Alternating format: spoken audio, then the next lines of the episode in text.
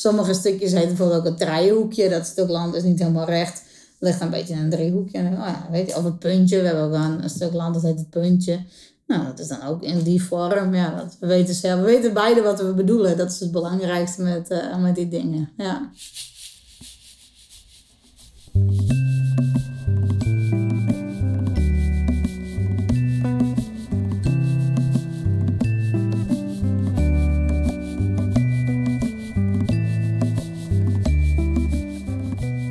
Het Fries is van origine een agrarische taal. Het is dus niet gek dat het Fries zoveel woorden heeft en gezegdes kent over landschap en natuur. En als je het hebt over dat landschap en over die taal, dan mag de boer zeker niet ontbreken. Boeren kunnen het landschap en het weer lezen als geen ander. Soms door ervaring, soms door goede apps op hun telefoon, maar meestal doordat woorden en gezegdes door zijn gegeven van generatie op generatie.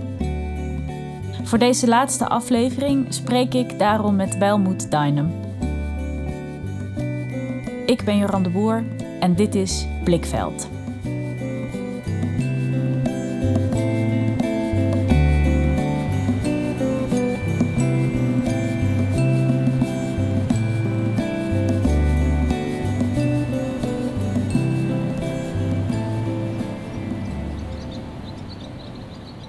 Het is eind maart wanneer ik Welmoed ontmoet op haar bedrijf in Zuidwest-Friesland.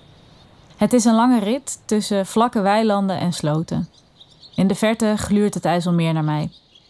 Als ik de auto uitstap, loopt ze opgewekt en met grote passen mijn kant op.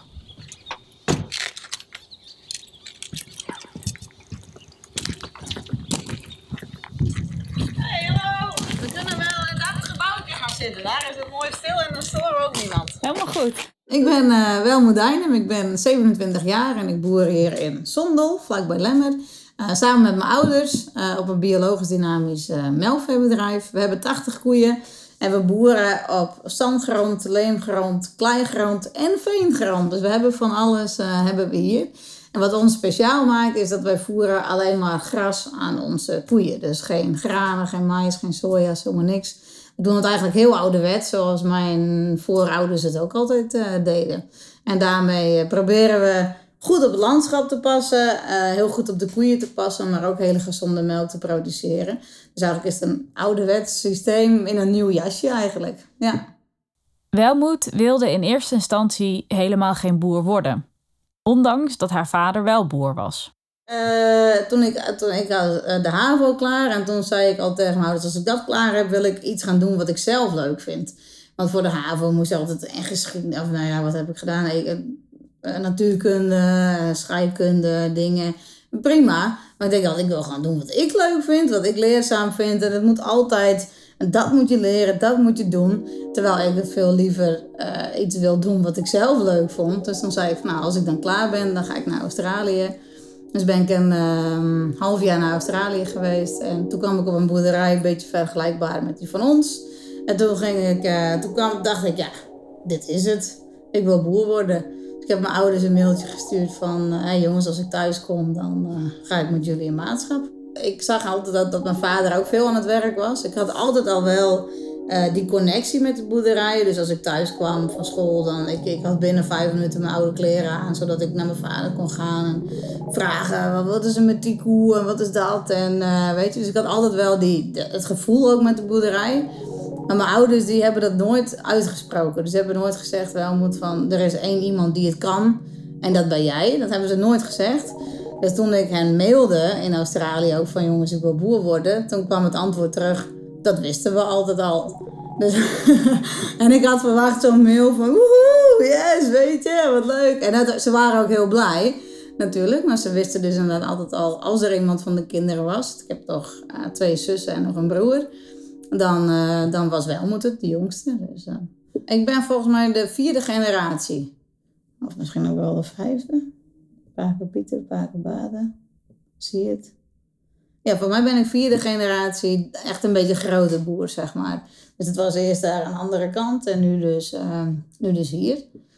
Dus ik ben de tweede generatie hier op dit bedrijf, maar de, de vierde in, in de Dynam, uh, Dynam line, zeg maar. Dus, uh, maar daar ben ik gewoon heel dankbaar voor. En ook nou ja, trots op het grutsk. Dat ik het ook weer door mag geven. Misschien aan een volgende generatie. Of in ieder geval dat ik hier op deze plek uh, mag passen. En het nog, misschien nog beter, nog gezonder kan maken. En dat weer, nou weer uh, mensen misschien te inspireren. En op die manier uh, het ja, boerenleven toch nog ja, mooi aantrekkelijk maken. En ook zeker het landschap natuurlijk. Want daar heb je als boer zijn er natuurlijk een hele grote verantwoordelijkheid in om dat goed te onderhouden. Op het bedrijf werkt Welmoed voornamelijk samen met haar vader. En voor de verschillende kruiden in het landschap gebruiken zij nog de gebruikelijke Friese woorden. Maar met het verdwijnen van die kruiden en grassen verandert de taal ook. Ja, wat we vooral heel erg. Dat zijn, dat zijn echt die, die kruiden, zeg maar. Die, uh, de, de uh, de pinksterblommen, uh, boetergieltje. Dat zijn echt van die dingen wat wij. Uh, voor ons heel normaal geworden is inmiddels, maar wat je dus eigenlijk niet meer in het standaard of standaard, ja, is dat standaard? Misschien juist wel niet. Maar wat je in het algemeen in het landschap eigenlijk niet meer ziet. Dat is vooral inderdaad die kruiden dat we echt zeiden van ja, dat is gewoon iets, ja, dat verdwijnt. Mogelijk. Als er niks gebeurt in ieder geval. Dat is dan, uh, ja.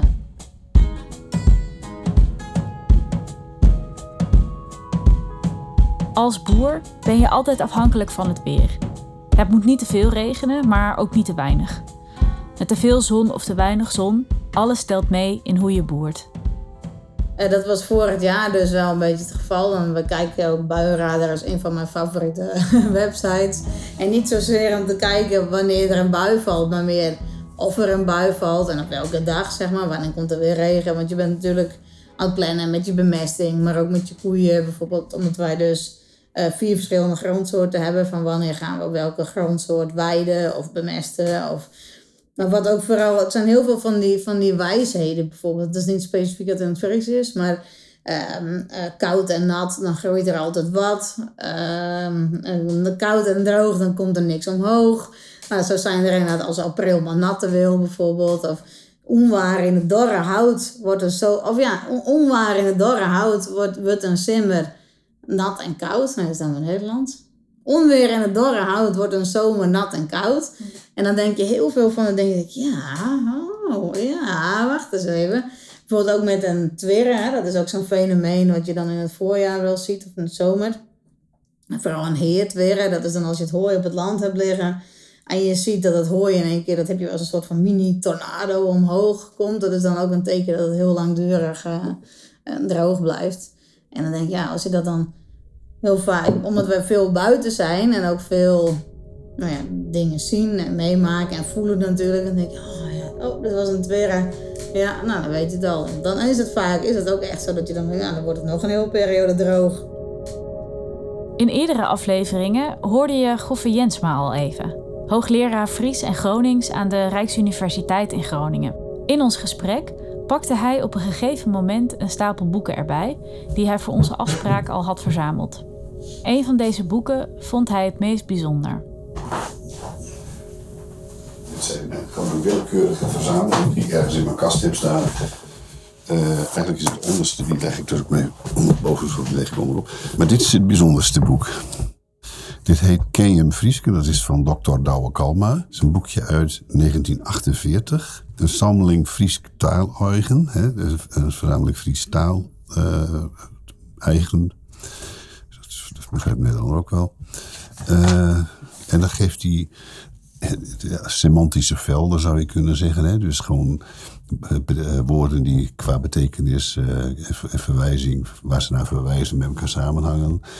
Uh, lucht, weer en wind, water, grondsoorten, planten, dieren, het mensenlichaam, de zintuigen. En dan heb je een heldere lucht. Dat is een kleren, skierne loft. En volkomen helder is grillclear. En doordringend helder is glier. En dan de lucht betrekt, de loft berint. Betrekt in de kimmen, griemet, onderzet, tient, zet dicht, stoppet. Dus de loft wordt tinder, squotrog. De loft scheen het au, gleer het op, striekt au, de loft is ziek. Stiet min, de loft is zoen. De kiemen tillen, het tilt. Skippersmoor, dat zijn schapenwolkjes. Wienfjerren, dat zijn vederwolken. Wienstrepen, dat zijn uh, wien, wienstreken, dat zijn strepen aan de lucht. Een lappige loft, vensterzonneloft. Ja, vensterzonneloft, dat zijn stukjes blauwe hemel tussen wolken. De loft koppert, de loft skwarret en de loften skowen. Nou, dan hebben we alleen nog maar beschrijvingen van de lucht gehad. En dan heb je die van mijn grootvader, die altijd zei van... een loft als een uh, onderbroek, die heb je er dan nog niet bij. of het skip maar zoere apels, wat een donderlucht is. Of een regen, uh, wolkenlucht, zware wolken. afgelopen twee weken geleden was dat een keer. Dan had je van die ja, soort van zakkende wind. En dat was dan opeens, dan voel je in één keer zo'n windvlaag. En dan is weer windstil, heb je een windvlaag. En dat is ook vaak vanuit het noorden. En dat is ook een teken dat het dan wat langer uh, droog blijft. En dan denk je, dan voel je dat en denk je, oh nee, dat zal toch niet. En dan achteraf denk je, ja, het was wel weer zo. Dus dat is, uh, dat is wel grappig. Dat zijn echt van die dingen van toen wat eigenlijk nou ja, op pure waarheid gebaseerd was. Door ervaring natuurlijk ook. Maar ik denk, ja, het zit, wel, uh, er zit wel echt een kern van waarheid in.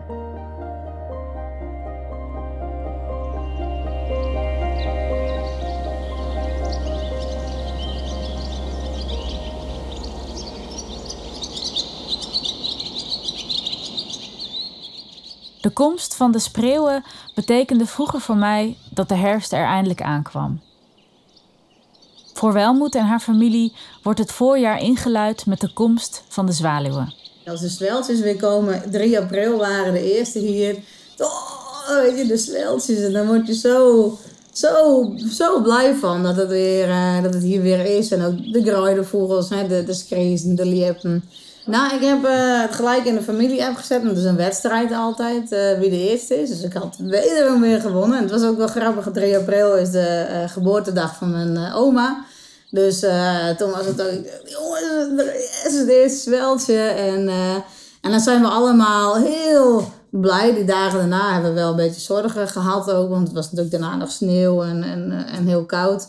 Maar dat ging gelukkig allemaal goed. En het is nog zo mooi dan je ziet die zwaluwen tussen de koeien doorvliegen. En het leeft dan weer of zo. De winter is, prima. Maar dat dan die zwaluwen er weer zijn, dan is het weer zo, ja, zo gezellig. Ze vliegen overal doorheen, door de stal. En je wordt wel eens een je, gaat er eigenlijk langs bij je langs. Er moet altijd een deur open blijven, altijd een raam inderdaad open blijven. Dat ze altijd ergens langs kunnen. Want anders dan denk je, oeh, soms heb je wel eens de garage en denk oh shit, ik heb de deur gedaan. Oh, dat kan helemaal niet. Dus je, je bent er toch onbewust ook, of bewust, maar ook onbewust toch heel erg mee bezig inderdaad. Dat het, dat het allemaal goed gaat, dat het de ruimte heeft. En je hebt dan wel onze ramen, die zijn bijvoorbeeld op een gegeven moment ook helemaal onder de mest. Echt alleen maar, alleen maar zwaluwmest. En ook in de stal helemaal vol met stroom. Dan denk je, ach, ook maar een bepaalde periode, weet je, dan is het ook weer klaar. Dus... Uh, het weegt niet op tegen alle andere leuke dingen die de zwaluwen met zich meebrengen. We zijn in het laatste ook nog heel erg bezig van, je hebt vandaag nog een gezien. Ja, ik ook nog. Nou, dan is het inderdaad een paar dagen later, dan zijn ze op een gegeven moment, denk je, nou, dan zijn ze gewoon weg. Dan draait de wind en dan, uh, dan gaan ze weer. En dan uh, moeten we weer een periode doorbikkelen. En dan, uh, en dan komen ze weer terug. En dat is toch altijd, het is een feestje. En dan weet je dat je toch een beetje het voorjaar begint. En dat het allemaal begint te bloeien, dat de koeien er weer uit kunnen. Het is ook zo, ja, mooi. Ja. Vind, we zijn heel erg fan van die zwaluwen, echt heel erg, ja. Naast de namen voor kruiden en de gezegdes over het weer, gebruiken Welmoed en haar vader hele specifieke namen voor het land om hen heen. Deze namen zijn al generaties lang in de familie. En wanneer ik Welmoed er naar vraag, moet ze even nadenken. Deze namen zijn voor haar net zo normaal als de straatnamen in haar omgeving. Ja, er zijn natuurlijk wel heel veel dingen, zoals inderdaad ook stukken grond. Gruttestik, het Pinkelaan, hebben bijvoorbeeld het Land bij de Diek, uh, uh, Dat zijn van die dingen dat je dan denkt, ja, dat zijn echt van die typische dingen ook van toen, zeg maar, wat nu nog steeds zo is en dat verandert ook nooit. Ik denk dat het dus vanuit oudsher, dan ga je, je kunt via de hikjes, ja, dat is een oud pad in het land waar vroeger uh, kijk, vroeger was het natuurlijk zo, voor de ruilverkaveling had iedereen overal stukjes land. En bij de hikjes was het zo, er waren nou, volgens mij acht boeren of zo op een heel klein stukje. En iedereen had daar een hikken, een hek. Dus je moest, als je daar van het ene punt naar het andere punt ook wilde komen, moest je door acht hikken heen gaan. Dus dat was natuurlijk een, een hels om dat te doen. En daarom heet het daar, het is nu gewoon een pad met, met aan beide kanten een draad. Maar daarom heet het daar de hikjes. En dat is bij iedereen in de, in, hier in de buurt is dat ook heel bekend, de hikjes. Ja, je zit bij de hikjes en je gaat via de hikjes. En, ehm, en er zijn geen hikken meer. Maar toch is dat woord uh, is er inderdaad nog steeds. Ja.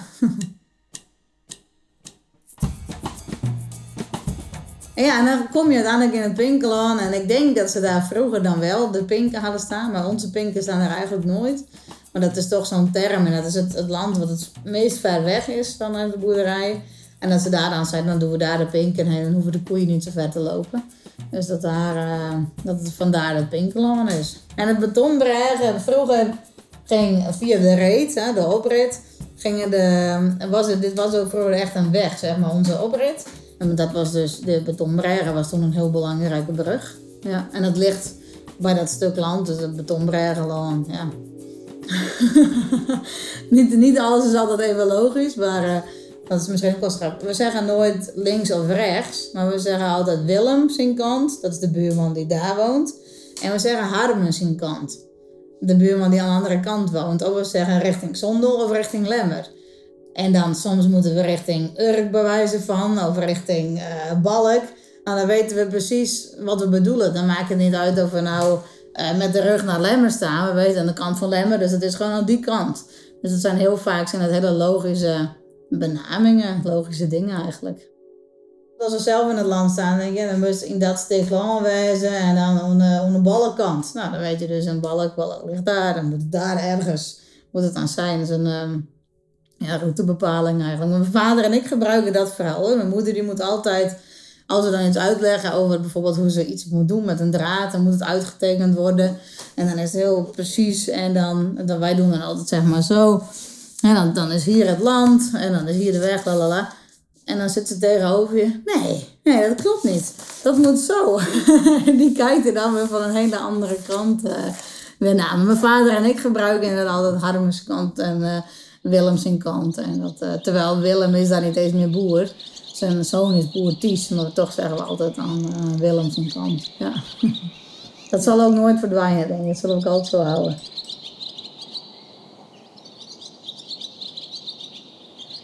Wanneer alles om je heen verandert, is het fijn om houvast te hebben aan de dingen die altijd al zo zijn gegaan of zo zijn geweest. Aan gebruiken waarvan je niet meer weet waarom je ze eigenlijk doet.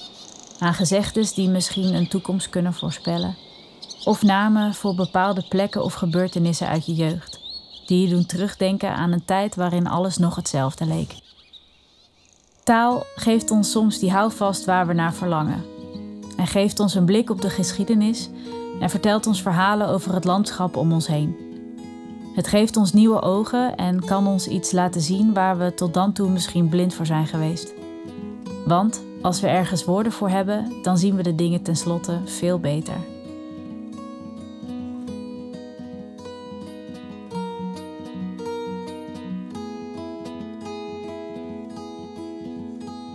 Deze podcast is gemaakt door mij, Joran de Boer, in samenwerking met Tresor en Festival Explore the North. De muziek is gemaakt door Esker van der Werken. Van de muziek heeft hij een album gemaakt die je kunt vinden op Spotify.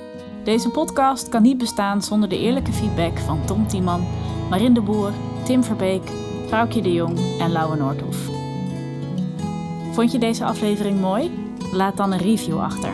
Zo kunnen andere luisteraars deze podcast makkelijker vinden.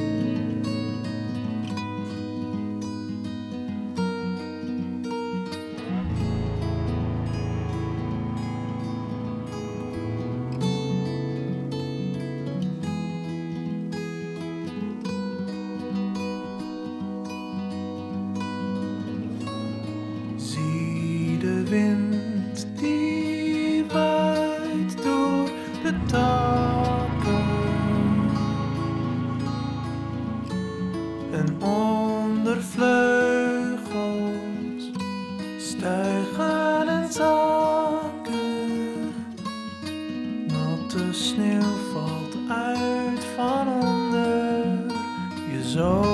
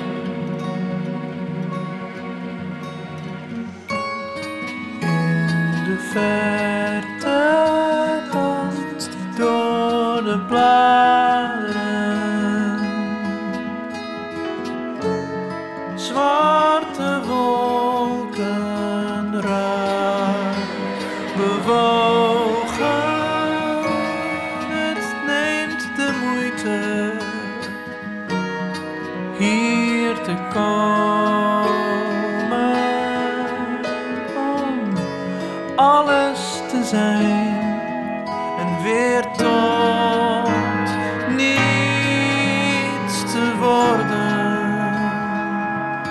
In vlagen komen ze, kracht en schoonheid. Alles innemend, klein als enkeling.